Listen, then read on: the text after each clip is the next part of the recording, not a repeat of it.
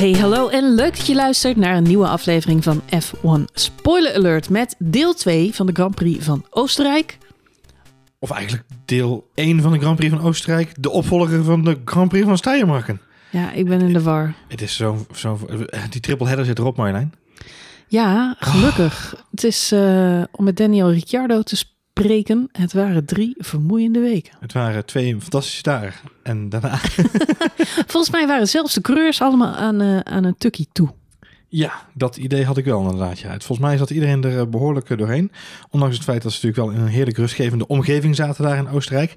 Alhoewel je je natuurlijk kunt afvragen hoe rustgevend het is als je daar vlakbij zit. En je hoort vanaf donderdagmiddag zo ongeveer al, misschien vrijdagochtend, het max, max, super, super, max, max al over de camping schallen gedurende het hele weekend. Het zal waarschijnlijk de reden zijn dat veel coureurs er deze week voor kozen om terug te vliegen naar Monaco. In, uh, ja, dat zou kunnen inderdaad. In de tussentijd. Die ontvluchten de Orange Army. Ja, ja het is natuurlijk niet zo heel ver vliegen ook. Maar, nee. Uh, nee, ja, het was uh, fantastisch. Heerlijk om de, om de fans weer op de tribune te zien.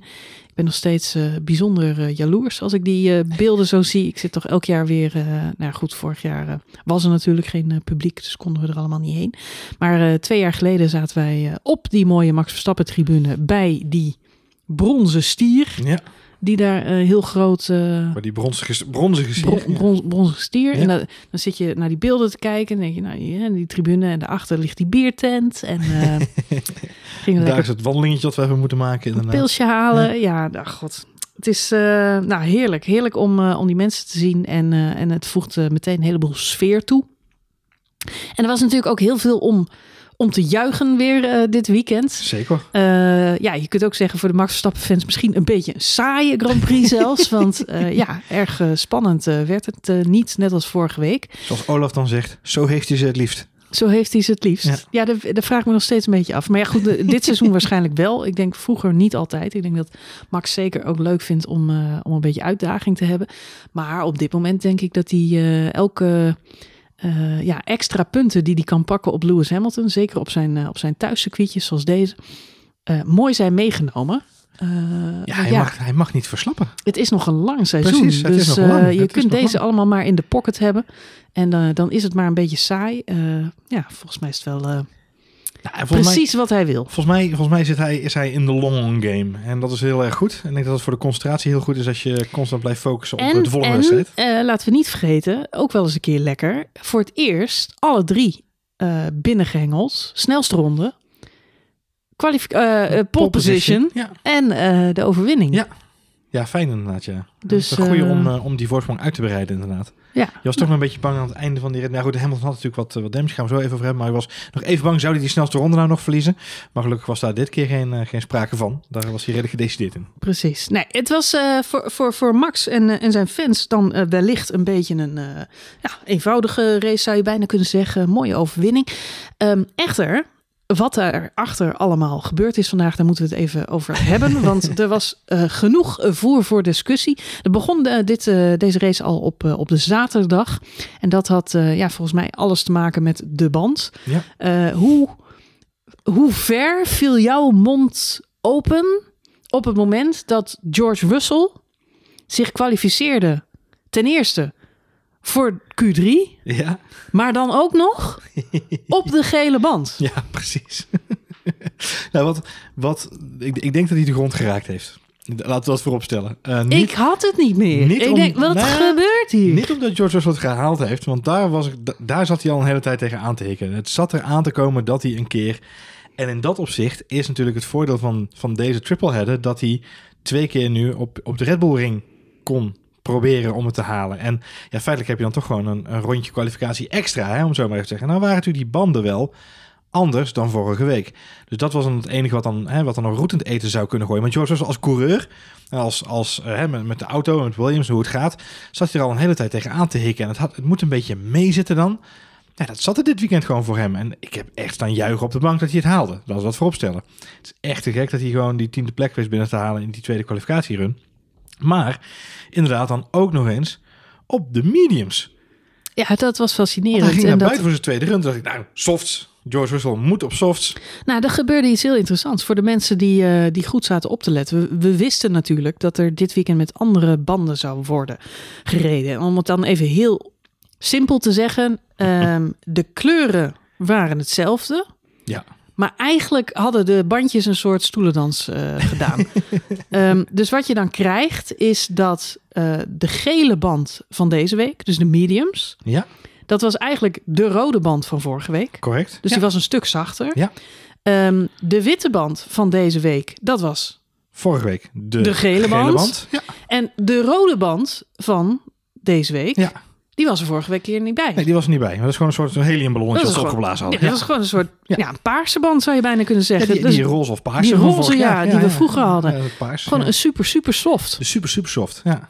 En wat was nou het verhaal? George Russell, De, de, de, hoe hadden we hem nou ook weer genoemd? Dus de, de, de Fluffy Soft. De Fluffy. Fluffy, ja. Ja, de Fluffy McTire. de Fluffy McTire. Wat interessant was, is dat we George Russell na de kwalificatie voor de camera zien bij Jack Ploy. En dan legde hij ook uit, één ding wist- wisten we heel zeker bij Williams. We wilden niet op die rode band starten. Nee. Want met die, die rode band was shit. Ja. Dat, is, dat is kort en bondig wat die zijn. Dan hebben we die rode band uiteindelijk wel teruggezien in Q3. Want iedereen kwalificeert op die rode band. Ja. Omdat die voor één zo'n vliegend rondje fantastisch is. Maar je wilde niet op starten. Je wilde niet op racen. Dus dat maakte de kwalificatie best wel interessant. Want we zagen een aantal coureurs die het gewoon niet aandurfden om op die rode band te kwalificeren. Onder andere de Ferraris. Wat tactisch een hele slimme move is gebleken. Ehm, de Aston Martins daarentegen, die hadden zoiets, fuck it, we moeten hoe dan ook naar Q3. Wij gaan op die rode band. Ja. De Alfa Tauris, zelfde verhaal. Er zijn twee teams die ervoor gekozen hebben om toch op die rode band naar buiten te gaan. Ja. Die hebben allebei volledig eh, Q3 gehaald Ja. op die rode band. Maar in de race was dat, precies zoals George Russell al voorspeld had, inderdaad een nadeel. Er is eigenlijk maar één coureur eh, voor wie die eh pitstopstrategie nog een heel klein beetje eh, gunstig heeft, heeft uitgepakt. En dat Ja. is Pierre Gasly. Ja, Die ja, inderdaad een, een twee-stopper heeft gemaakt. Echter, het heeft hem wel wat plekken gekost. Want hij startte zesde. En ja, hij wordt uiteindelijk, wat is het, tiende, negende? Tiende. klopt. Eh, nee, negende. Negende, Eh, sorry. eh, en Stroll en, en Yuki Tsunoda, die inderdaad ook... Vettel valt natuurlijk uit in de race. Maar ook Lance Stroll en Yuki Tsunoda, die in de top 10 eh quali komen uiteindelijk... Ja, die vallen ook buiten de punten. Yuki Tsunoda plek 14. Lance Stroll uiteindelijk op plek 12. Dus het is eh, eh, ja, toch tactisch inzicht. In elk geval eh, George Russell, die, die maakte het nog mooier door ook te kwalificeren voor Q3. Ja, nou bij Ferrari was Op die het gele hele, band. Een, een hele, Maar bij Ferrari, ja, je kunt zeggen, oh, Ferrari viel uit Q3 en het, het, het teleurstellend, tegenvallend. Waarom hebben ze dat nou geprobeerd? Maar dat was opzet. Want hoe dan ook, zij starten liever op 11 en 12 dan op 9 en 10 met, eh, met die rode band eh, Ja, onder het zich. was, het was een hele maffe eh, en misschien voor de eerste keer dit seizoen wel een goede strategische keuze bij Ferrari. Ehm, Ah, je kunt merken dat het roer daar om is. ja, het- het- je zag gewoon aan ze dat ze eh, dan maar niet naar Q3, maar wel vrije bandenkeuze. Nou, en dat is eh, historisch bezien eh, echt een, een, een ja, hoe noem je dat? Een trendbreuk met, met vroeger. Ja. Want vorig seizoen zagen we Ferrari nog vaak ehm, goed in de kwalificatie, niet goed in de race. Nou.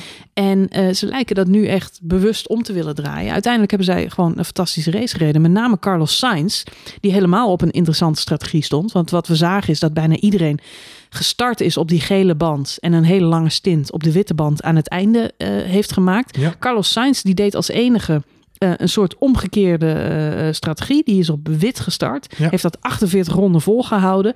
Ehm, en had aan het einde nog die fantastische gele band over. Klopt. Waarmee hij nog drie plekken kon winnen op het allerlaatste stuk in de wedstrijd. Dus Carlos Sainz die zat helemaal op een fantastische strategie.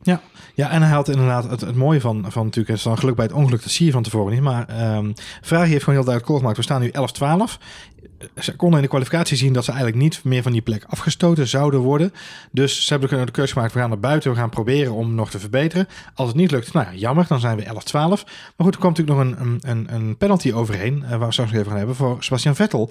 Waardoor uiteindelijk ook gewoon Carlos Sainz met vrije bandenkeuze die top 10 binnen schokte met zijn Ferrari'tje. Dus dat is natuurlijk hartstikke prima eh, uitgepakt voor ze, die gok.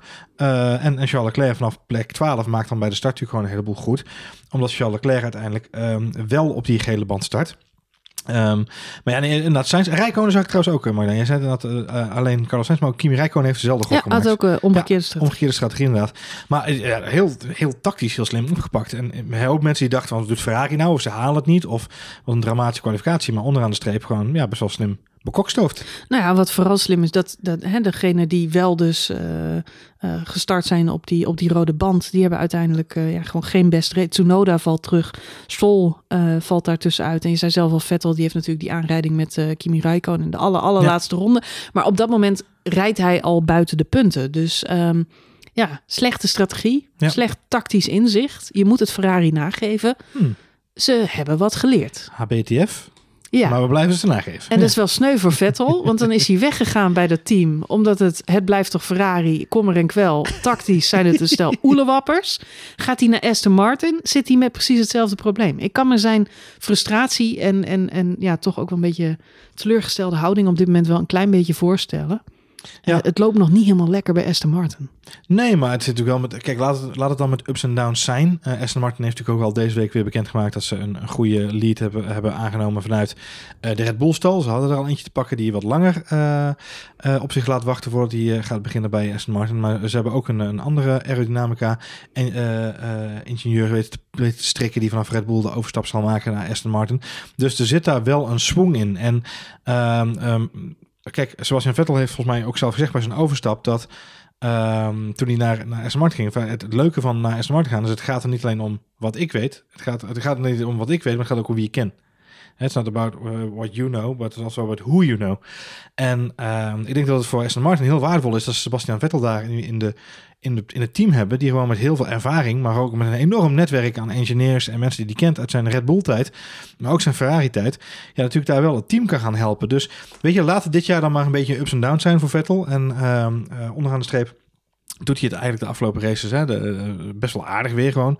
Dus weet je, laat het maar ups en downs zijn. Maar laat dan hopen dat het, zodra die nieuwe regulering ingetrapt volgend jaar, dat, hij, dat ze er dan goed bij zitten met, met Aston Martin. Dat dan, dan is dit zijn Hamilton seizoen. Zeg, snap je? Hamilton maakt ook die overstap naar Mercedes. Toen dacht iedereen, wat doet hij in hemelsnaam?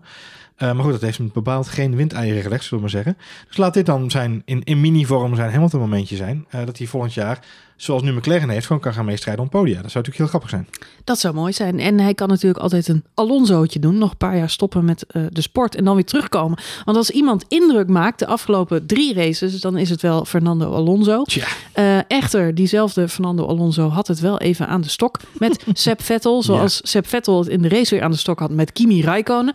Met ja. andere woorden, de oudjes doen van zich spreken. Wat ik heel mooi vind, dat is dat de Formule 1 senioren elkaar onderling geen verwijten meer maken. Ze houden eigenlijk allemaal een beetje de, de schouders op. Zelfs Alonso zei na afloop van de quali gelijk, daar kan Vettel niks aan doen. Die moet gewoon van zijn team te horen krijgen dat hij uh, daar aan de kant moet. Jij zei, het is wel opvallend dat Vettel de enige is uh, die een straf uh, krijgt naar aanleiding ja. van dat kwalificatie-incidentje.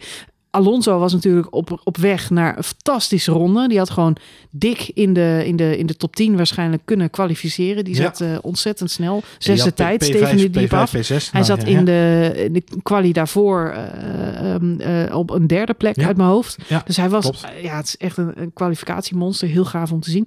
Maar ja, uh, dan uh, is, heb je ineens zo'n opstopping van auto's. Ja, wat daar pijnlijk aan is, is eigenlijk, uh, en dat, dat zal een rode, een rode draad gaan vormen. Geen Ferrari-rood, geen Scuderia-rood. Maar dat gaat een, een rode draad vormen door eigenlijk dit weekend. En dat is dat Michael Masi op, als ik het me goed herinner, op de eerste vrije training al uh, is er een boordradio tussen Mercedes en de FIA. En dat is Michael Masi die je dan ook hoort. En nou, Toto Wolff heeft gezegd, het is fijn dat al die boordradio's open gaan, want uh, dan kunnen we met z'n allen een keer lachen wat er gezegd wordt. Maar wat er bij Mercedes eigenlijk heel goed naar voren wordt gebracht is, um, laten we alsjeblieft ophouden met dat geharrewar in bocht 9 en 10. Dat zijn de laatste twee bochten voordat je recht stuk op gaat. En vanuit Mercedes wordt gezegd, joh, luister, uh, we, we moeten daar niet gaan lopen klooien in de kwalificatie of in de vrije trainingen. Daar mag je niet van je gas. Daar moet je volle gas doorheen. Want dat is, als je daar gaat lopen klooien met, met vertragen en met uh, je plekje zoeken, dan hebben we een probleem. Want er komen auto's gewoon volle gas die bocht omknallen. En voor je het weet uh, gebeuren daar ontzettende ongelukken. Waarop Michael Masi zegt, je hebt helemaal gelijk, ik ben 100% met je eens. En ik ga er dit weekend extra scherp op letten. En we gaan het in de briefing nog een keer extra bespreken. En we'll crack down on it. Even, ik, ik chargeer even, ik parafraseer even. Maar ik vond het een hij, hij benadrukte vrij stevig van wat er ook gebeurt. Daar ga ik een, een actiepunt, hè, daar ga ik extra sterk op letten. Mm nou, dan, dan doet die situatie zich voor. Mm in de vrije training gaat het vooralsnog allemaal wel redelijk goed. Er gebeuren geen hele maffe dingen op die plek. Uh, de track limits in Oostenrijk waren vorige week al bekend. Alleen Pierre Gasly had daar wat moeite mee. Um, maar dan gebeurt het in de kwalificatie. En dan is dus de vraag, wat gebeurt daar nou eigenlijk? Dan zie je Vettel daar langzaam rijden. Maar mhm. waarom rijdt Vettel langzaam? Omdat er voor hem Bottas en Carlos Sainz ook aan het afremmen zijn en eigenlijk een plek aan het zoeken zijn op een plek waar ze dat niet mochten. Mhm. Nou, ga ik weer terug naar die vrije training. Michael Massey met zijn I will crack down on this. Mhm. Dan is het dus belangrijk dat je niet alleen Vettel een optater geeft, want die rijdt daar alleen maar langzaam omdat hij ook zijn snelle ronde wil beginnen. Of dat hij in ieder geval wil zorgen dat hij daar uh, veilig die bocht doorkomt. Maar dan moet je dus ook naar Bottas kijken, ook naar Sainz. Dat hebben ze gedaan, maar vervolgens geven ze... Hè, ze hebben gezien dat die mensen daar ook langzaam reden. Maar alleen Vettel krijgt dan drie plekken gridstraf. Dat is dan natuurlijk niet heel erg rechtlijnig als je het zo bekijkt. Eens, eens. En het zou niet de laatste keer zijn dat we het over uh, Michael Masi hebben dit weekend. want dan moet de race nog beginnen. En uh, zoals we net al zeiden, in principe is het voor de Max Verstappen fans een heerlijk rustgevende race. Je kunt zelfs even weglopen om een, een drankje in te schenken. Uh, ja, het is redelijk ontspannen allemaal. Uh, echter, er zijn wel wat incidentjes. We hebben natuurlijk Lando Norris, die het aan de stok krijgt met uh, Checo Perez. Waarvan je uh, eigenlijk eh, vrij snel zegt: Sergio, te veel risico. Gast, waarom zet je hem er daarnaast? Het is buitenom, er is geen enkele ruimte.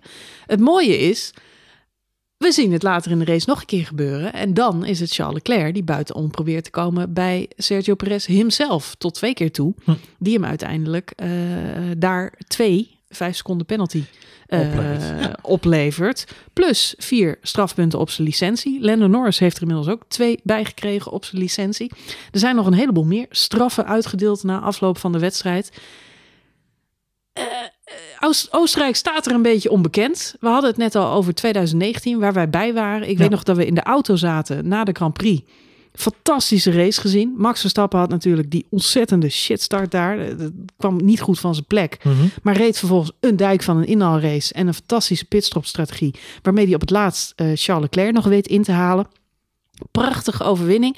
En je zit in de auto terug. Je hebt een fantastische race gezien. Je bent onderweg om lekker een pizzaatje te eten in, uh, in Graz. Wat trouwens een fantastische stad is. Kan ik iedereen aanraden om daar een keer heen te gaan. En um, terwijl je in de auto zit, zit je eigenlijk continu nog uh, je Twitter-feed of, of, je, of je autosport-sites te refreshen. Ja. Omdat op dat moment nog niet duidelijk is of Max Verstappen die overwinning houdt. Ja. En uiteindelijk laat in de avond, ik denk dat we al uh, op het terras zaten inmiddels, komt dan dat bericht. Nou, uh, de, de stand is finaal. De uitslag blijft Dit was zoals toch die, die, is. die fantastische race ook waarbij dat valse persbericht werd gedeeld door ook de autosportjournalisten ja, zelf. klopt. Dat hij daar ook met ja, vol, dat met, was die met, race. Met boter en er gingen in hoax, hoaxberichten, fake, Ja. fake news, alles ging... Ja, het eh, mooie was daarvan, want dat was extreem lang. Want wij, zijn, wij, wij waren daarbij. Wij zijn nog de circuit opgelopen. We hebben daar nog meestal aan feesten. We hebben nog een, nog een biertje gedronken daar op, op, op het asfalt. Ah, sterker nog, we stonden daar voor de pitboxen. Je ziet uh, die jongens van, uh, van de teams die alles al min of meer inpakken. Um, Jos Verstappen was daar onder andere ook bij. Ja. Die staat daar ook. Uh, maar wat eigenlijk waar de fans daar op staan te wachten, dat is dat Max Verstappen nog even naar buiten komt, even zwaait, even bedankt allemaal. Of dat er nog een ja, foto gemaakt wordt. Ja. Dat gebeurde allemaal niet, omdat Max Verstappen zich nog moest melden bij de, stewards. En Charles Leclerc idem dito. Duurde allemaal. Je merkt dan ook aan de teams dat ze zich een beetje inhouden. Er is geen big celebration. Er worden geen foto's gemaakt. Dat kwam allemaal pas heel, heel, heel laat op de avond. Omdat die uitslag toen zo lang op zich liet wachten. Ja. En dat was ook het seizoen waar we al vier races op rij hadden gezien. Weten we nog dat Seb Vettel uh, naar het podium reed en uh, te horen kreeg dat hij een penalty kreeg en zijn podiumplek. Ja, zo'n bordje omwisselde. Zijn bordje omwisselde. Ja, ja, ja. Dat, wa dat waren die races. Er was toen zoveel nou ja, discussie. Dit was, dit was het seizoen waarin ook het harde racen werd benoemd door, uh, door de FIA. Hè, hard racing was een term die, die viel. Max Verstappen duwde in die bocht natuurlijk Leclerc ook een beetje naar buiten. Wat we vandaag ook al een aantal keren gezien hebben. Leclerc zei toen na afloop van ik weet nu wat ik mag doen op de baan. Precies. En, en na al die kritiek na al die kritiek van, van die eerste paar races, waar we eigenlijk continu zaten te kijken. naar races waarvan je wist. ehm, Max Verstappen donderde van het podium daar in Monaco, omdat hij nog een vijf seconden penalty kreeg. Mhm. We zaten continu naar races te kijken die na afloop eh, nog compleet veranderden. Ja. En toen is er een stelbreuk geweest. Oostenrijk 2019 heeft de wedstrijdleiding gezegd: oké, oké, hard racing. Vanaf nu gaan we meer toestaan, want hè, er is te veel, we zijn te prominent aanwezig. En ik heb het gevoel dat we nu weer op dat punt zitten. Ja, ja, en, en, ja, en het is gewoon, het, het is gewoon een, ver- een verwarrende De- situatie De ontstaan. naam Michael Massey is, is dit weekend prominenter dan, dan, dan welk van de coureurs dan ook. Eh, Wij maken in deze podcast heel vaak de parallel naar het voetbal. Ehm, om dan even in voetbaltermen te spreken. Maar een goede scheidsrechter. Hè, dus net doorgelekt dat ehm, waarschijnlijk ehm, Bjorn Kuipers. Bjorn Kuipers de finale van het EK voetbal eh, gaat fluiten. Mhm. Wat natuurlijk eh, ontzettend eh, tof is voor ons Nederlanders. Trots, om iets om trots op te zijn. Ik ga de vlaggetje van zolder halen. Inderdaad. Waar is mijn toetergoed? Maar, maar wat een goede scheidsrechter kenmerkt zich door niet opvallend te zijn op het veld. En dat, dat is iets wat, wat Bjorn Kuipers ontzettend goed kan. Hij, Mhm, hij mhm. maakt zichzelf nooit belangrijker dan het voetbal. Let er maar eens op. Want je, je moet er echt op letten, want anders dan zie je hem niet. Hij fluit amper, hij laat zoveel mogelijk spel doorgaan. Er wordt de wedstrijd leuker van. En, nou, en er komt een punt dat je als scheidsrechter wel moet ingrijpen, absoluut. Maar ik vind in, in dit geval is eh, meneer Michael Massey en al die andere oude grijze mannetjes Het is daar. voornamelijk, en dat waar je nu heen gaat, daar ligt de sleutel eigenlijk van dit verhaal. Het zijn elke keer natuurlijk andere stewards. En dat zorgt voor elke keer verwarring. Dus Michael Massey samen met, met zijn team, die, die leggen die regels neer. En de interpretatie is dan vervolgens weer aan de stewards die daar zitten. Er zijn elke keer nieuwe stewards die daar zitten, die dan met die regels aan de slag mogen. En dan krijg je dus een situatie waarbij we, nou ja, we zijn net al even eh, Verstappen en, eh, en Leclerc, eh, Oostenrijk. Een paar races later Leclerc tegen Hamilton in Italië. Ja, waarbij hij hem er ja. bijna afklettert daar in de chicane. Moet ook Ehm, allemaal kunnen. Vervolgens kreeg eh, overigens afgelopen jaar, vorig jaar, ehm, voor een incident in bocht 4, vergelijkbaar met vandaag ook Perez en Norris, kreeg eh, Hamilton een, een penalty bij Albon, want hij duwde Albon van de baan af. Mhm, mhm, Ehm, en de week daarop hadden we de race van Steiermark, was toen omgedraaid. mhm. Toen kwam Lance Stroll met een beetje kamikaze actie bij Ricciardo naar binnen gereden bijna. En die kreeg daar weer geen straf Kreeg voor. niet eens een waarschuwing, onderaan de streep. Ehm, en zelfs dit jaar hebben we het gehad, want volgens mij twee weken geleden, Paul Ricard, hadden we Pierre Gasly, die ook, volgens mij diezelfde Lando Norris naar buiten duwde. En daar ook geen straf voor kreeg eh, en hem van de baan afduwde. Dus en dat, ja, en dat, die, die, die, dat maakt het zo. Kijk, als je nou één Bjorn Kuipers hebt die de regels implementeert, Allah. Maar elke keer een andere variant op de regel is gewoon verwarrend.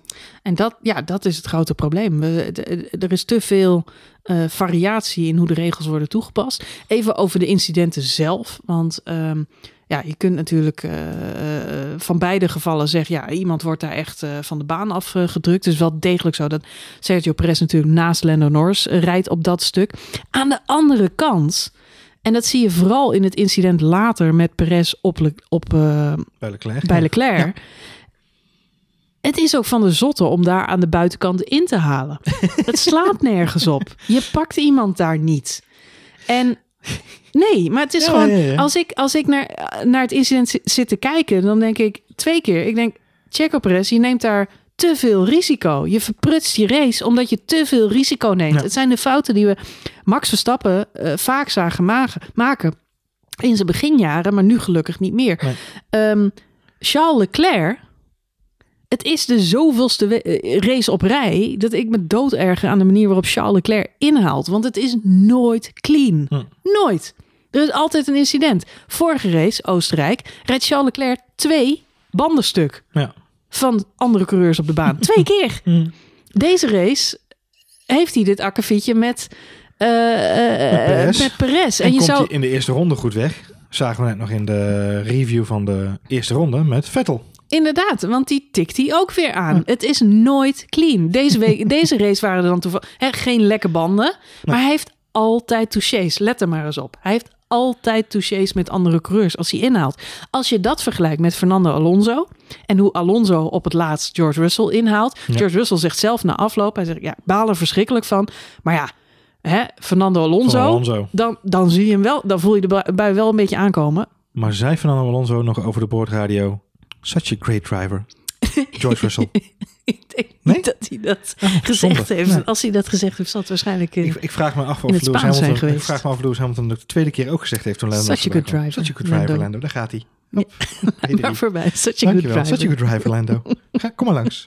Goed. Jeez, ja. Nee, het nee, is, maar, het is, ja. niet. Ja, en ik weet wel, er is een verschil in ervaring. Maar je zou van Charles Leclerc inmiddels toch ook wel mogen verwachten dat hij iets ervarener Jawel, maar het aan is het de, worden is. Het is de kop naar beneden, Leclerc. En ik vond het wel mooi. Volgens mij is het Doornbos bij Ziggo. Weet niet zeker. Want het was een beetje fra- fra- fragmentarisch wat ik vandaag nog heb meegekregen na, na afloop van de race.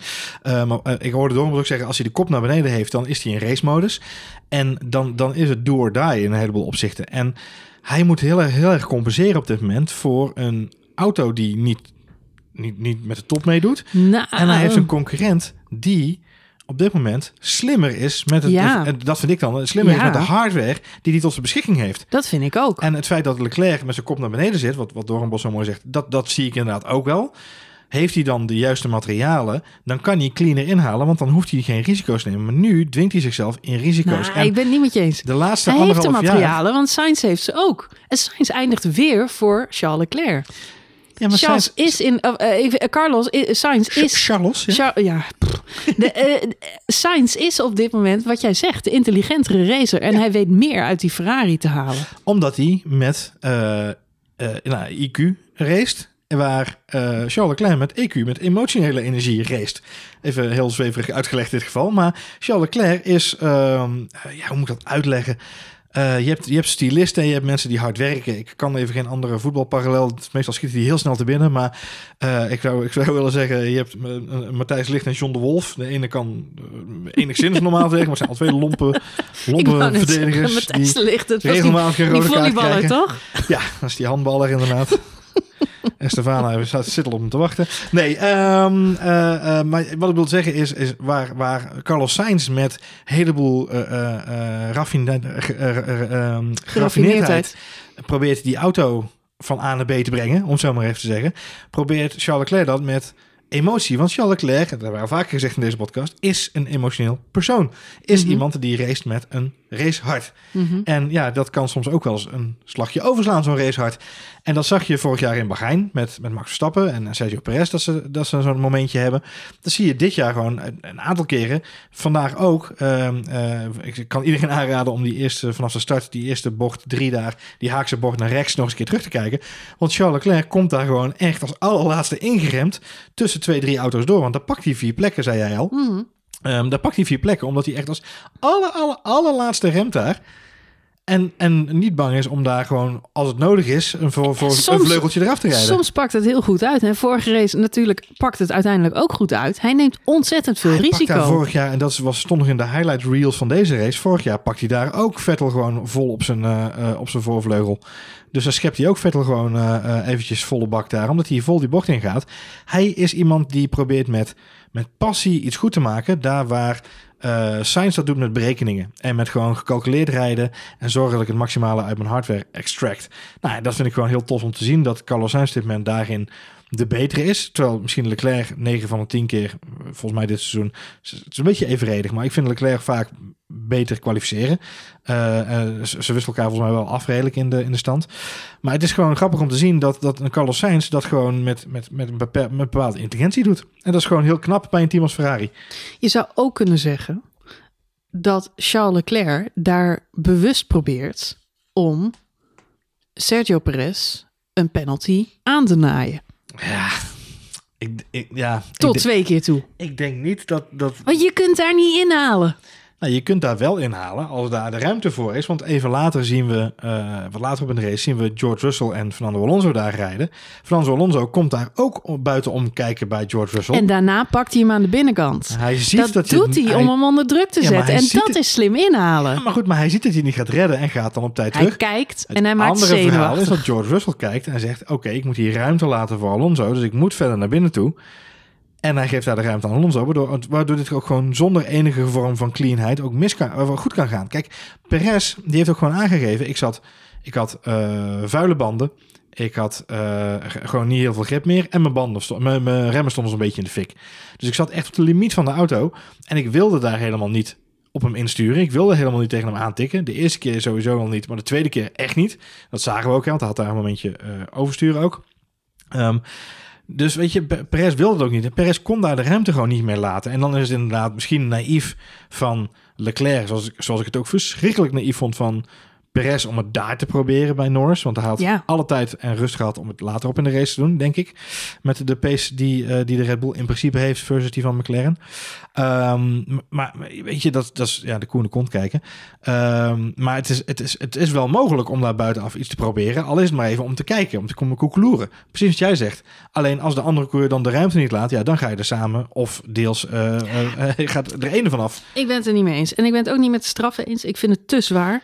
Nog even buiten de penalties. eh, want eh, ja, Lennon Norris had wel een beetje de P in volgens mij. Hij had zichzelf liever op die tweede plek gezien. Dan moet ik wel zeggen, als eh, Lewis Hamilton geen problemen aan zijn auto had gehad... en er waren geen penalties uitgedeeld... dan denk ik dat Lando Norris het ook gewoon van Lewis Hamilton verloren had. Dus dan was hij ja. alsnog derde geweest. Maar in dit geval had Lewis natuurlijk een probleem. Had hij voor Valtteri Bottas kunnen rijden? Dat denk ik wel, want hij kwam op het laatst nog op 1,4 seconden, geloof ik. Is hij Ja. achter Bottas gefinished. Klopt. Ja. Dus hij heeft er nog een hele tijd achter gezeten. Komt er helaas niet meer voorbij. Ah, Bottas had wel veel pace aan het einde van de race. Hij had wel op die... Op die eh, ja, en je moet nooit vergeten, aan het eind van de race is iedereen banden aan het sparen. Dus nee, niemand rijdt dan nog voluit en moet er verdedigd worden. Dan kunnen ze dat eh, ja, maar absoluut Bottas had wel. gewoon in het, in het tweede deel van die tweede stint... had hij gewoon in die harde banden had hij best wel veel snelheid zitten. Er was wel even een interessant momentje, want we noemen het al, Ha- Hamilton heeft een probleem. Ja. Eh, rijdt dan op de tweede plek op het moment dat dat probleem een beetje doorstaat. Het is een beetje ondergesneeuwd geraakt in de race, omdat er zoveel andere spannende gevechten gebeuren. Eigenlijk was dit niet echt een race van de, van de kopgroep, maar Nee. vooral van het middenveld en wat er allemaal gebeurt. Hamilton heeft een probleem. Zo rond ronde Bottas 48. Ja. krijgt te horen dat hij daarachter moet blijven. ja. een aantal ronden. En dan besluit Mercedes, nee, nee, dit gaat toch niet werken. Want die Lando Norris die is veel te vlot. Die komt eraan. Die gaat ons allebei pakken. Ja. Dit, dit is een... eh, eh, dit Dat moet, ze, dat moet ze echt... Dat moet, ah, wat, wat voor sfeer is het daar nu? Ik moet de boordradio nog eens terugluisteren naar wat Mercedes nou precies zei. Eh, en ik, ik, ik, heb, ik pak even mijn notities erbij en ik zie het ik erbij staan. Boordradio checken. Want als ik het goed heb begrepen, is inderdaad, zegt de boordradio is tegen Bottas, je mag Lewis Hamilton, eh, we blijven zo, you're not to race Lewis. We'll talk about it in review. Dat is wat ze volgens mij tegen Bottas zeggen. Een, eh, eh, echt een milliseconde daarna komt de boordradio van McLaren en die zeggen... eh, ja, hallo Lando, Ehm, Bottas mag, eh, Mag niet mag, eh, mag Lewis niet inhalen. Dus dat laat de deur open voor ons. Hup, Such a good racer. Aan de slag jij.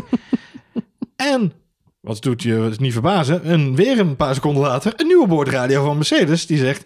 eh, ja, we gaan toch wel even wisselen. Dus eh, bij bocht 1 het liefst eigenlijk. Nou, dat wordt dan uiteindelijk bocht 3.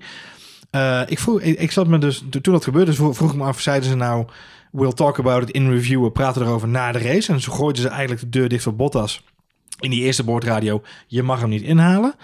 Of eh, zeiden ze, we're having it in review, we- we're looking at it in review, we, we reviewen even de data en we komen er zo bij je op terug.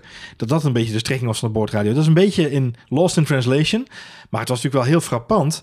Mijn gevoel zegt dat ze inderdaad zoiets hadden. We gaan proberen om Bottas als buffer te gebruiken naar Lando Norris.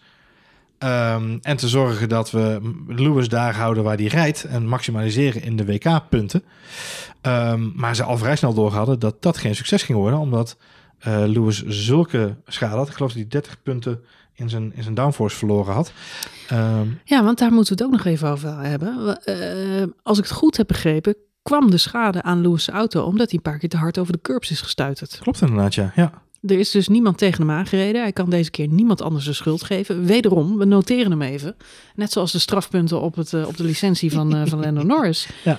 Wederom een foutje van de grote Lewis Hamilton deze race. Ja Is er al een race geweest dit seizoen waarin Lewis Hamilton foutloos was, Johan?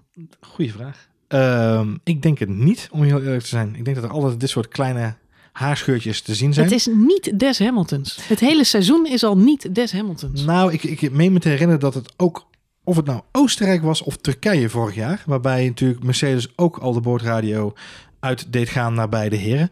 Ehm, hij heeft de, de schade opgelopen na nu het eerste aanzicht is in bocht 10. Dat is de laatste bocht voordat je rechtstuk opkomt, voor de start-finish eh, rechtstuk. Daar schijnt hij een paar keer zo hard over de curbs geklapperd te zijn, dat hij daar schade aan de achterkant van de auto heeft opgelopen. Dat is wat het verhaal is, wat we nu weten op dit moment. Ehm, vorig jaar zijn er ook een aantal keren boordradio's geweest na Bottas en eh, Hamilton met jongens, zorg dat je van de curbs afblijft, want we hebben mogelijk schade aan de auto. Dus het is een bekend fenomeen van die Mercedes, van, die, van het chassis, dat, daar, dat hij niet echt curb-wise er goed bij ligt. Overigens kreeg Maxim natuurlijk vorige week ook, hè, de, eh, pas op dat je niet over de curbs rijdt. Waarop hij natuurlijk bij de hand reageerde, ja, want we rijden anders nooit over de curbs met deze auto. Ehm, maar het, het is natuurlijk, ja, het is een foutje van Lewis. Aan de andere kant, ehm, ja, het feit dat ze curbs pakken is natuurlijk wel onderdeel van de ideale racelijn, om het zo maar even te zeggen. Oh, true, De true, vraag is eventjes of het eh, een gevolg is van eh, eh, slijtage. Of dat hij inderdaad echt een paar keer er te grof overheen gegaan is geweest. Ja, dan is dat wel een issue. Volgens mij zagen we het bij... In de trainingen zagen we volgens mij bij Lando Norris of bij Sebastian Vettel. En de tweede ging er echt... Ja, die klappen er echt op een gegeven moment eroverheen. Ja, dan zie je dat die achterkant opklappert en opveert. Ja, daar is die auto natuurlijk ook niet voor gemaakt onder de streep. Dus, eh, maar als jij wil noteren onder het foutlijstje van Lewis, doe ik mee hoor. Ik bedoel, eh, Nee hoor, nee, nou, het is gewoon opvallend. Uiteindelijk, we hebben het er, er is zoveel ander materiaal deze race om, eh, om, eh, om, om artikelen over te schrijven, zeg maar. Ja. Dat het maar eh, deze boordradio hoor je eigenlijk niet meer terug een beetje ondersneeuwt dat Lewis Hamilton eigenlijk eh, ja, daar In bescherming weer... werd een- genomen. nee, hij laat ook weer een tweede plek eh, liggen. Hij Ja. wordt uiteindelijk vierde. Damage control, maar het, is, het was geen best weekend. Kost wel eh kostbare Nee, ja, en wat, punten. wat ik me eigenlijk naar aanleiding van die situatie nog het meest afvraag is... was Mercedes daar reactief of waren ze proactief? En dat is moeilijk. Zeiden ze in review, we gaan nu eerst de data reviewen, kijken wat we kunnen doen. Hè, is de volgorde geweest, we gaan Bottas stellen dat hij nog niet mag inhalen. We gaan eerst even de data bekijken en dan gaan we bepalen wat we gaan doen. Oké, we hebben de data bekeken, Bottas halen maar in. Of hebben ze in eerste instantie gedacht, we laten het lekker zo rijden, want hij rijdt nu tweede, derde. Lekker prima. Gaan we het zo regelen met z'n tweeën? Oh nee, eh, die McLaren komt toch wel heel snel dichtbij. Hmm, laten we dan toch maar reageren. Als het dat laatste is namelijk, zegt het ook weer heel veel over hoe het op dit moment bij Mercedes aan toe gaat op die pitwall. En dat is gewoon mm, eigenlijk de afgelopen twee weken ook een dingetje wat heel erg onderbelicht is gebleven, is dat het qua strategie en qua communicatie ook gewoon niet lekker loopt daar. Zo simpel is het. Wat eh, natuurlijk ook bekend werd vlak voor dit raceweekend, dat is dat Lewis Hamilton voor twee jaar heeft verlengd bij Mercedes. Hij zit dus nog twee jaar in de Formule 1. Daar hebben we het heel lang over gehad. En ook dat eh, eh, komt nu even tussendoor. Breezy, Ja. Ja, heel, heel eh, luchtig. Ja. Eh, wie zijn co-piloot wordt, is, is nog steeds niet bekend. Wat wel opvalt, dat is dat George Russell aan een fantastische stint bezig is. We hebben allemaal de soundbite gezien in het interview dat Jack Ploy met hem had. Ja. Die hem heel cheeky even de vraag stelde. Volgens mij zit je zo lekker in je vel omdat je al een nieuw contract hebt. Waarop hij toch een beetje, ja... glimlachend snel eh er vandoor ging. Omdat hij daar natuurlijk we'll leave it there. niet op in wilde gaan. Dat kan ik begrijpen. Maar we gaan nu naar Silverstone. En jij, jouw grote voorspelling was natuurlijk dat op Silverstone bekend zou worden Ja. gemaakt. Volgend jaar Twee Mercedes. Britse, twee Britse coureurs. Twee Britse coureurs. Ja. En dat zou ook passen bij het feit dat Lewis Hamilton dit weekend eh, bekend heeft gemaakt dat hij nog twee jaar blijft. Ja. Zou logisch zijn dat George Russell daar volgende week aan wordt toegevoegd. Kan Wat je, denk stok- jij? kan je stokje overdragen inderdaad. Het Ja. valt mij wel op Passing the baton. het zou ehm, eh, zo zijn dat eh, Bottas al een tijdje op de hoogte is eh, van dit nieuws. Wat mij opvalt, dat is dat Bottas, Het op een zuipen zet na de wedstrijd. Ja. dat sowieso, nee, hij drinkt heel veel koffie. Dat valt op. Ik zie hem op Instagram alleen maar de godganstijd koffie drinken. Nee, maar wat mij opvalt, dat is dat zijn ehm, winnaarsmentaliteit, als hij die al gehad heeft, die is weg. Die is echt weg. Ja. Er is, hij, is, hij, hij, hij pakt vandaag een tweede plek. Maar er is geen Valtteri Bottas meer die zegt... ik wil wereldkampioen En ik, worden. vind, ik vind het mooie, het ik wil mooie van strijdend vandaag, kampioenschap. Het mooie van vandaag vond ik dat Valtteri Bottas zei...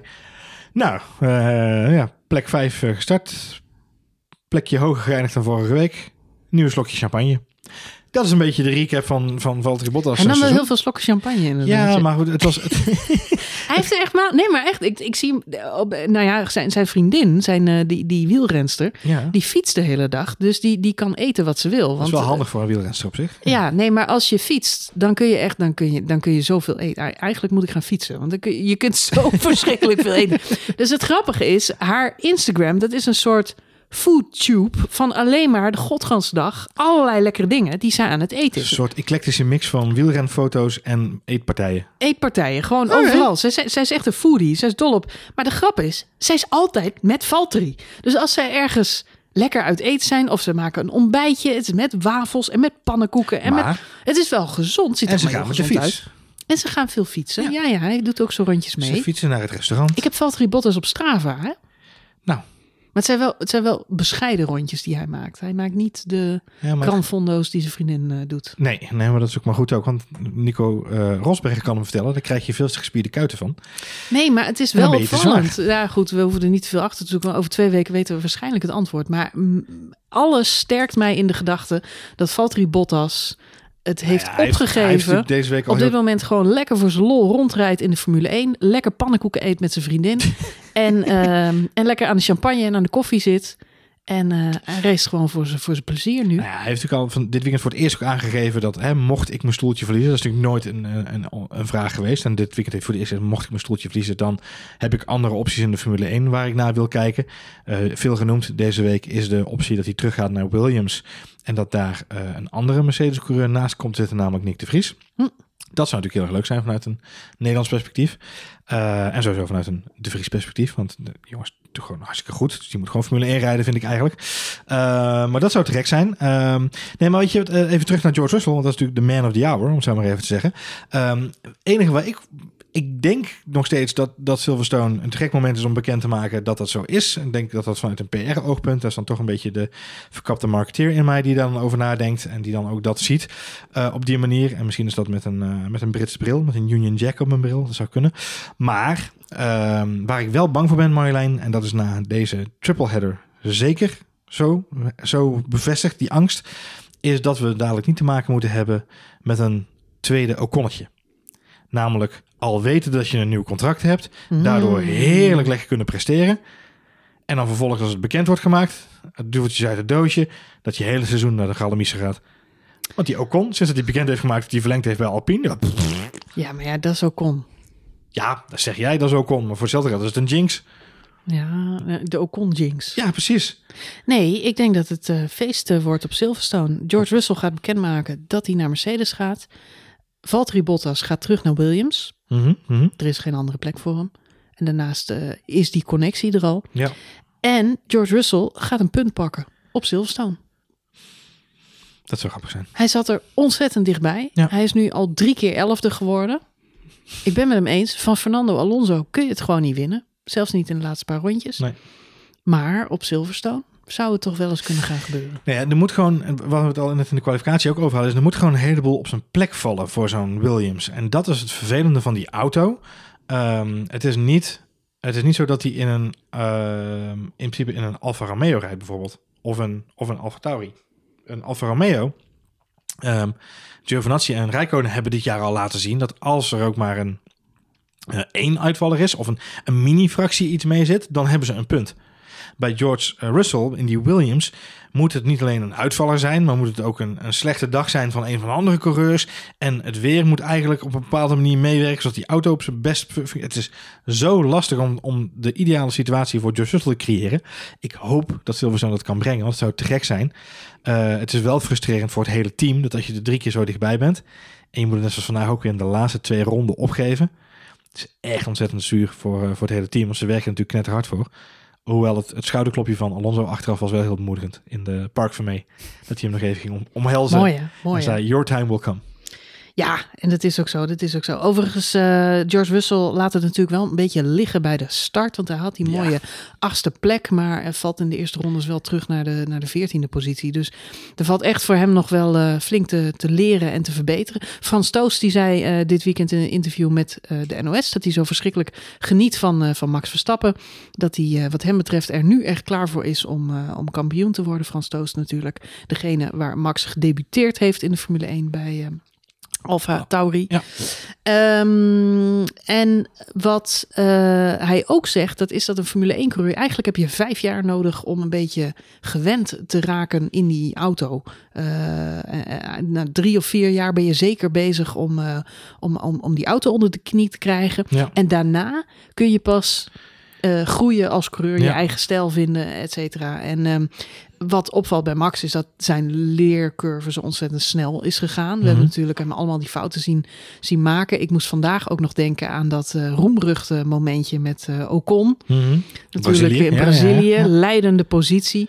Moet daar Ocon, eh, eh, ja, haalt hem in, eh, achterblijven. Maar Ocon probeert hem weer terug in te halen. Kost hem zijn, eh, zijn overwinning. Verschrikkelijke situatie. Mij valt op, als je nu Max Verstappen achterblijvers ziet inhalen... dan doet hij dat met veel minder risico. Ja. Het was vandaag natuurlijk dat we hem eh, bij dat gevecht met eh, Russell... En Alonso eh, zich, eh, komt Max ineens daar om die, om die in te halen. Ja. En je, het lijkt dan echt even alsof je gewoon tussen Russell en Alonso blijft hangen. Even een paar bochten met ze meestuurt. En Ja. dan pas de overtake inzet. Omdat hij natuurlijk ook dat gevecht ja, niet in de weg wil zitten. Nee. Dus in alles is hij, is hij rustiger geworden. En je kunt, ja, op dat moment hebben we er vreselijk van gebaald. Lijp Ocon met zijn verschrikkelijke actie. Maar op dit seizoen ben ik blij met al die incidenten die Max heeft eh, meegemaakt. En al die ervaring die hij op heeft gedaan. Omdat het heel erg zichtbaar is dat hij ervan geleerd heeft. En dat vraag ik me nog wel af bij coureurs als, als Leclerc bijvoorbeeld. Mhm, waarvan ik mhm. nog steeds eh, ook de situatie Monaco. Het is nu, hoeveel, hoeveelste seizoen rijdt eh, Leclerc nu in de Formule 1? Zijn eh, derde? Vierde? Vierde volgens mij al. Eh, heeft Sauber. Eén seizoen Sauber, twee seizoenen Ferrari. Vorig jaar was zijn debuut bij Ferrari, toch? Met Vettel samen. Ja, je heeft mij één seizoen bij Sauber. Dus ja, nou, eh, Volgens mij drie. Ja. Nou ja, dat is dan nog vrij kort. Maar dan zou nu wel, zou je mogen verwachten, dat hij hem in Monaco niet meer in de vangrail parkeert. Nou ja, kijk, dat heeft Max Verstappen natuurlijk ook gedaan. Eh, dus dat zijn hele mooie... Als je die leercurves naast elkaar legt, dan zijn dat hele mooie Max rijdt momenten. zes jaar Formule 1, dus het verschil is er, dat klopt. Ja, nee, maar je zou, je zou natuurlijk die, die, die leercurves naast elkaar kunnen leggen. En dan denk ik wel dat Charles Leclerc zichzelf een extra stapje heeft gegeven door niet alleen te kiezen voor een verstappende Formule 1, maar dan ook nog eens bij Ferrari. Ik denk dat je dan jezelf een extra... Max zit in een Red Bull, dus dat... eh, Ja, maar dat team is wel in die zin stabiel. Dat is een, er, is een, eh, er is een hiërarchie. Er, is, er zijn mensen die er al jarenlang werken. Er is een stabiele basis bij Red Bull. Het is misschien niet de beste basis, maar iedereen weet bij Ferrari dat het een andere manier van werken is dan alle andere Formule 1 teams. Iedereen, iedereen, ja, ja, ik vind dat je nu verzachtende omstandigheden voor Charles Leclerc eh, altijd. Ja. eh, verzint. Nee, maar ik, vind, ik heb het gewoon even over die leercurve en wie zie je die, hè, hoe zie je die eh, verschillende coureurs maken. Ja. George Russell ehm, heeft natuurlijk heel constant gereden en in- zijn openingsseizoen. En je kunt nu echt zien dat hij meer risico begint te nemen om zichzelf in die kijker te rijden. Dat kan zijn omdat hij al weet dat hij een nieuw contract heeft. Kan ook zijn omdat hij dat nog niet heeft. Maar wel heel graag van zich wil laten horen. Hij moet wat. Mhm. Ook als Mercedes niet eh, zijn plek wordt, ja, dan zal hij toch ergens anders heen willen naar dit seizoen. Dus je merkt dat hij meer risico neemt. En, ehm, maar soms ook ja, nog steeds wel de kleine foutjes maakt. Iemand die ik echt eh, misschien wel net zo hard vind groeien als eh, Max Verstappen, Mhm. is voor mij Lennon Norris. Ja, absoluut. Want die kun je op weinig fouten betrappen. En daarom dat het zo wrang is dat hij nu weer die extra strafpunten heeft gekregen. Hij komt nu op 10 strafpunten in totaal. Nou is het zo dat hij volgende week eh, vervallen er weer twee strafpunten. Staat hij Ja, op acht strafpunten. ja. Maar het verhaal is natuurlijk wel, als je op 12 strafpunten staat, dan mag je een race niet rijden. Klopt. Dus hij staat wel behoorlijk op scherp. En ik merk ook, we hadden het net natuurlijk over Michael Massey en, en het strafpuntensysteem. Mhm. Ehm, er zijn wel race-incidenten geweest. Je, je kunt zeggen, eh, nou, het is in elk geval het terecht misschien wel dat ze die vijf eh, seconden penalties krijgen. Het feit dat Norris hem krijgt in ronde vier betekent automatisch dat Perez hem ook moet krijgen voor de situatie met Leclerc. Twee Ja. keer zelfs. Ja. Dus hè, als je het ene geeft, dan moet je ook het andere geven. Wat ik wel streng vind, dat is dat zij alle twee ook dus die penaltypunten op hun licentie hebben gekregen. En ik merk dat er nu ook wel stemmen opgaan of dat toch niet een keer veranderd moet worden. Want je kunt veel van Lennon Norris zeggen, maar niet dat het een van de gevaarlijkste coureur, coureurs op de krit is. En als je ook kijkt naar waar hij zijn penaltypunten voor verzameld heeft, dan Ja. zijn het allemaal ja, een beetje. eh, Hij heeft, hij heeft twee punten voor inhalen onder de gele vlag. Dat was vorig jaar in Oostenrijk. Dat Ja. zijn degenen die dus eh, gaan vervallen. Dan heeft hij drie punten omdat hij onder de gele vlag in Turkije Ja. niet genoeg is afgeremd. Mhm. Dan heeft hij drie punten. Dat was in Baku dit jaar, kunnen we nog wel herinneren. Dan is er een rode vlag. En hij wil dan weten, moet ik de pits inrijden of moet ik mijn ronde afmaken? Dan twijfelt het team even. Besluit, ja, dan blijft hij maar buiten. Daar heeft hij ook drie punten voor gekregen. Slaat nergens op. En nu weer twee punten voor eigenlijk ja, de openingsfase van de race, waarin hij gewoon zijn racelijn vasthoudt. Alleen Perez besluit daar buiten om te komen. En dat kost Norris twee hele kostbare strafpunten. En het zou toch te gek voor woorden zijn als Lando Norris straks een, een, een Grand Prix moet missen. Eh, de enige coureur op de grid die elke race tot nu toe punten heeft gepakt. Maar ja, het, het is absurd als je ehm, je realiseert dat je bepaalde incidenten dus een jaar lang met je meezult. Ik vind uh, kijk, we weten allemaal dat dit soort dingen in het leven zijn geroepen, omdat er gewoon echt heel veel brokkenpiloten waren in het verleden. Die... Ja, je zou verwachten dat, dat Mazenspin op, op, op, op, op tig punten staat. Of, uh... ook die valt wel mee in wat hij aan schade brokkelt in een wedstrijd, in een race. Uh, en dus, dus gelukkig, dat is, gelukkig. Ja, nee, absoluut. maar je, dat is. Um, je, het vervelende van dit systeem vind ik onderaan de streep dat ze een jaar lang blijven staan. En dat je dus feitelijk nu zou, zou Lando Norris uh, genakt kunnen worden door een, een, een hele stomme overtreding van een jaar geleden. Het is een beetje alsof je. Uh, ja, het is, het is daadwerkelijk een puntensysteem op je rijbewijs, dat snap ik. Alleen uh, ja, dat je dat dan een jaar lang met je meezult en dat je dus, omdat je onder een reden vlag niet genoeg bent afgeremd. Nou, dat gaat dan vaak ook niet over, uh, als het in zijn geval gaat over een bepaald percentage wat extreem hoog is en het is onveilig. Allah, weet je, dan krijg je punten op je licentie, prima. Maar als je maar drie of vier kilometer te hard gereden hebt onder de vlag. En je krijgt alsnog dan die twee punten waardoor je nu dadelijk die wedstrijd moet missen. Dat zou natuurlijk gewoon heel erg zuur zijn. Dus ik denk dat er zeker verzachtende omstandigheden zijn om op bepaalde momenten gewoon op een andere manier met die, met licentiepunten om te gaan. Ik snap niet zo goed waarom er altijd standaard een licentiepunt Precies, die licentiepunten die zijn nooit bedacht uh, voor Romain Grosjean. Die Speciaal een, voor Romain? Ja, die heeft ze, uh, ja. Oh, misschien... zijn ze voor hem bedacht? Ja, ze voor hem bedacht. bedacht. Hij heeft een gigantische uh, crash veroorzaakt bij de start. En toen is gezegd, nou ja, dit soort acties moeten wel consequenties hebben. Mensen die, die regelmatig crashes veroorzaken. Ik noem een Sepp Vettel. Of een uh, Fiat of een Grosjean. Er zijn natuurlijk een aantal mensen geweest die, mhm, uh, mm die dat wel vaker deden. Ja, ja die moeten op, ja, toch wel een soort waarschuwing krijgen. Maar nu is het een soort regelmaat geworden dat voor elke penalty die je in de wedstrijd krijgt, je ook die gekke strafpunten krijgt. Ja, en dan sta je op scherp. En, um, ja, kijk, en dat is gewoon heel krom. Kinderachtig. En je, je kon in elk geval aan Lennon Norris wel merken dat hij daar uh, ja, van baalde. Nou, om, om er dan die voetbalanalogie in te gooien is, je hebt gewoon, je kunt een, een aantal gele kaarten krijgen uh, uh, voordat je daadwerkelijk een schorsing krijgt. En ik snap dat, dat, dat die regel er is. Hè. Je, moet, je moet dat soort dingen hebben. Alleen je kunt niet mensen blijven laten meezeulen met wat ze ooit misgedaan hebben. Dus ja, misschien wat meer van elkaar lostrekken, die twee. Ik denk dat dat misschien de beste oplossing is. Ja. Nou goed, er is uh, discussie genoeg. Er is nog een uh, andere uh, straf geweest na afloop voor de, van de wedstrijd voor de mensen die het gemist hebben. Ja. Maar Raikkonen die heeft nog een drive-through penalty gekregen. Ja. hij zal met zijn eigen auto die drive-through niet meer hebben kunnen doen. Want die stond in de grindbak. Had natuurlijk te maken met de aanrijding die hij met uh, Seb Vettel had. Ja, uh, de drive-through penalty is daarom omgezet in een 20 seconden straf. Ja, klopt. Volgens mij lag hij op de twaalfde plek uit mijn hoofd? Nee, uh, ja, wel 12 en 13 ging het om. Ja, klopt. Uh, Vettel haalde hem in voor de 13 voor de 12e plek. Ja. En uiteindelijk is hij 15, 15 geworden. Ja, hij heeft nog een, eh, een, want hij zou een grotere duw hebben gekregen. Maar uh, als je het hebt over uh, de Oostenrijk Special, dat zijn namelijk alle penalties die altijd achteraf worden uitgedeeld, pas drie uur na de wedstrijd. Uh, ook Latifi en Mazepin hebben nog een boete gekregen, of een, een, een penalty gekregen.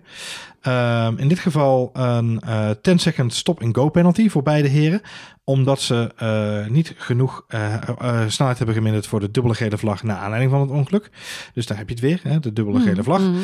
ook licenspunten? Ook licenspunten, ja. ja, voor, ja. voor beide heren volgens mij drie punten ook, Maaspin en Latifi. Um, en, maar die zijn geconvert naar een 30 seconden time penalty, omdat ze natuurlijk geen stop-and-go hebben kunnen doen. Dus is dat een automatische 30 seconden penalty. En daardoor is Rijkonen uiteindelijk nog een stukje omhoog gesprongen in de eindstand omdat hij uh, nog voor Latifi is geëindigd. Het zal hem een reet roesten, want zoals Kimi over de boordradio zei... terwijl die stuiterde dus door het grind... What just happened there? We weren't even racing for a point. It was Seb. Yes, I know. I can see him. Prachtig. En juist op dat moment hadden ze dat interview moeten doen van de driver of the day. Ja, dat was leuk geweest. Kiwi, congratulations! Congratulations, your driver of the day.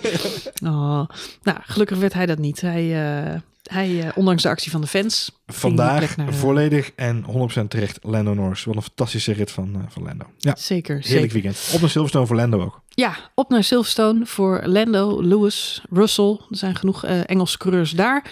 Uh, Christine Horner maakte natuurlijk gelijk de oplossing, op, op, opmerking. Voor ons is het ook uh, weer een thuisrace. wat grappig was om te zien in de interviews na afloop. Dat is dat um, je merkt dat dat PR-spel tussen beide teams. Het is natuurlijk zo dat ze elkaar allebei Um, of zichzelf heel erg in die underdog-positie willen positioneren. Je merkt dat de uh, teambazen en de coureurs af en toe heel even die storyline vergeten.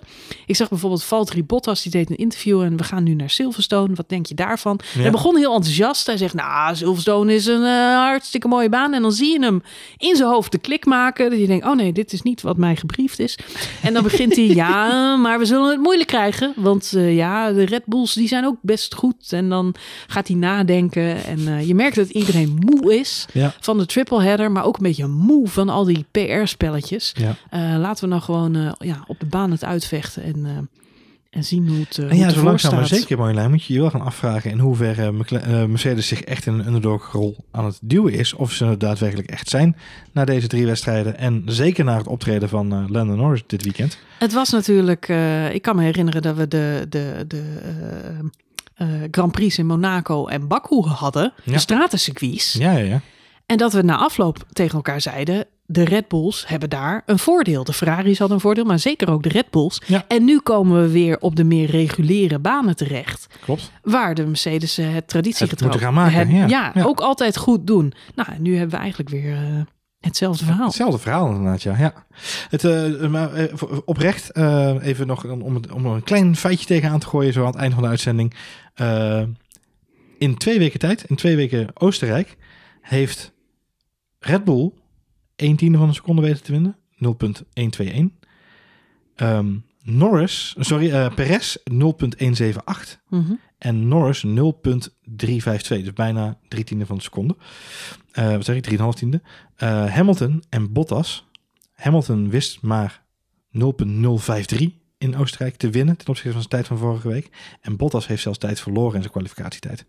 Die ging zelfs achteruit in zijn kwalificatie. Dus, Komt wel die pannenkoeken. en die koffie. Mhm. En dat fietsen. Champagne. Nico Rosberg zei nog zo, ga niet fietsen. Ga niet fietsen. Want dan krijg je dikke Hij kuit van. toch fietsen, hij is eigenwijs. Ja. Hij denkt bij Williams. De vraag is. Marjolein, en zo langzaam maar zeker moeten we daar naar gaan kijken, Silverstone. Hebben we te maken met een spelletje of spelen ze gewoon open kaart bij Mercedes? Zijn ze de underdog? Ja, het zal wel aan de motor-upgrades liggen hè, bij Red Bull en McLaren. Die, eh, die, die vooral- ontwikkelen gewoon door aan de auto. Vooral die Dus, van eh, McLaren, die zullen flink doorontwikkeld hebben aan de motor. Ja, ja. We hebben het helemaal niet over Ricciardo gehad. Maar die had uiteindelijk... eh, in de race heeft hij veel, veel goed kunnen maken. Maar, ja, die deed zijn ding. Die hij kwam heeft van, het zwaar. Hij heeft het zwaar. Ja, van P13 naar P7 is een prima prestatie van Daniel. Hartstikke goed. McLaren is er gewoon weer bij en dat is prima. Ja, ik geniet ervan. En, eh, en ook van al die eh, McLaren-fans op de tribune. Ik is toch ik leuk? zeg al, het scheelt Ja. ze ook oranje zijn. We straks in Zandvoort weer, hè? Ja. Dus eh, we hebben nog hoop... Nou, maar dat is wel leuk vandaag. Iedereen, vooral ook de oranje fans, lekker aan het juichen voor Lando. Dus dat was goed nieuws. Ja, Ik denk, dat echt, ik denk dat iedereen er heel blij is dat er een team bij komt in, het, in, het, in deze strijd. En dat dat naast een, een mogelijkheid is dat Ferrari daar nog een keer een rol in gaat spelen. Misschien aan het einde van het seizoen, hè, tweede helft van het seizoen. Als we een beetje kunnen, kunnen blijven mee eh, stribbelend, mee blijven knokken. Maar dat McLaren daar gewoon bij is. En dat is gewoon wel te gek. En ik zie ook in onze Twitter-tijdlijn, we hebben veel McLaren-fans die ook naar onze show luisteren. Dus ik ben net als hen heel blij dat McLaren weer, eh, weer meedoet. En dat Lando daar het gezicht van is op dit moment. Ik ook. Ik ben fan van Lando. Maar laten we niet vergeten... De Ben jij een Fendo? Ik ben een Fando. Oké. De laatste Grand Prix van Silverstone werd vorig jaar natuurlijk gewonnen door niemand minder dan Mr. Driewieler. Max Verstappen. Oh ja, dat is waar. Jazeker. Ja, maar dat was, toch de, dat was de 70th. Dat was de 70th eh, dat was Jubilee, dus eh, de- Ju- wat- Jubilee Grand Prix. Maar dat was dan nog niet de, de, de, de British Grand Prix. werd dan toch gewoon door die driewieler? Door, eh, ja, maar dat was de race daarvoor. Ja, precies. Ja, ja. Steiermark, Oostenrijk. Ja, Jubilee, Britain. Nee, al die titels, al die titels. Oh, al die titels. Ja, ja, ja. Nee, maar het was andersom. Het was niet de GP van Europa. Nee, maar ik weet nog dat Lewis wel heel zagrijnig was dat hij die 70 70th 70th Jubilee Grand Prix. Jubilee Anniversary Grand Prix. Wij zijn echt veel beter in die hashtags. De Veel hashtag beter. Jubilee Grand Prix. laat ons gewoon de namen voor die Grand Prix Precies, wij hebben hashtaggers. Goed, eh, de Grand Prix van eh, de Große Prijs van Oostenrijk. Spielberg staat hier op mijn papiertje. Spielberg. Spielberg, dus eh, laten we hem zo noemen. Eh, zit erop. We hebben twee keer Oostenrijk gedaan. Met dank aan de eh, andere bandjes en toch ook wel aan Michael Massi en zijn team. Hadden we toch weer genoeg om het over te hebben. En was het toch ook uiteindelijk wel een spannende race. Met name het middenveld is denk ik iets waar we ons echt flink op kunnen verheugen. En de titelstrijd, laten we niet vergeten, is toch wel behoorlijk spannend aan te worden. Het verschil is inmiddels 30 punten uit mijn hoofd. Ja.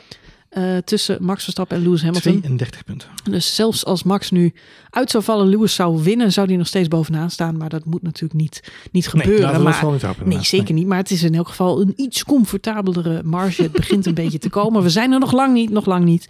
Maar eh, het is allemaal hoopgevend. We zijn er nog niet en dat is prima. Precies. We Precies. gaan op naar Silverstone. Wie gaat het EK winnen? Italië. Italië. Ja. Ik hoop echt Denemarken. Ik eh, help je mee hopen. Het, het- maar het komt niet naar huis. Nee, eh, Dat gun ik die Engelsen echt niet. Eh, ja, misschien. Ja, ik hou wel van de Engelsen hoor. Maar, ehm, maar goed. Ik, ik gun het eh Denen in meer. Fort hem dan. Ja, maar Italië is ook leuk. Ik ga de Deense vlaggetjes van zolder halen. Hè? Lastig. Als Ja. Spanje maar niet wordt. Nee, nee. Alles beter dan Alles Spanje. beter dan Spanje. Oké. Ja, Ik ga nu verder met mijn Lego. goed zo. En dan eh, gaan we een architectuurboek erbij pakken en het Deens vlaggetje ophangen. Goed idee. School. Skol. Heel erg bedankt voor het luisteren naar F1 Spoiler Alert. En heel graag tot de volgende Grand Prix. Die is over twee weken. En die is in Engeland, de Grand Prix van Silverstone. Tot dan!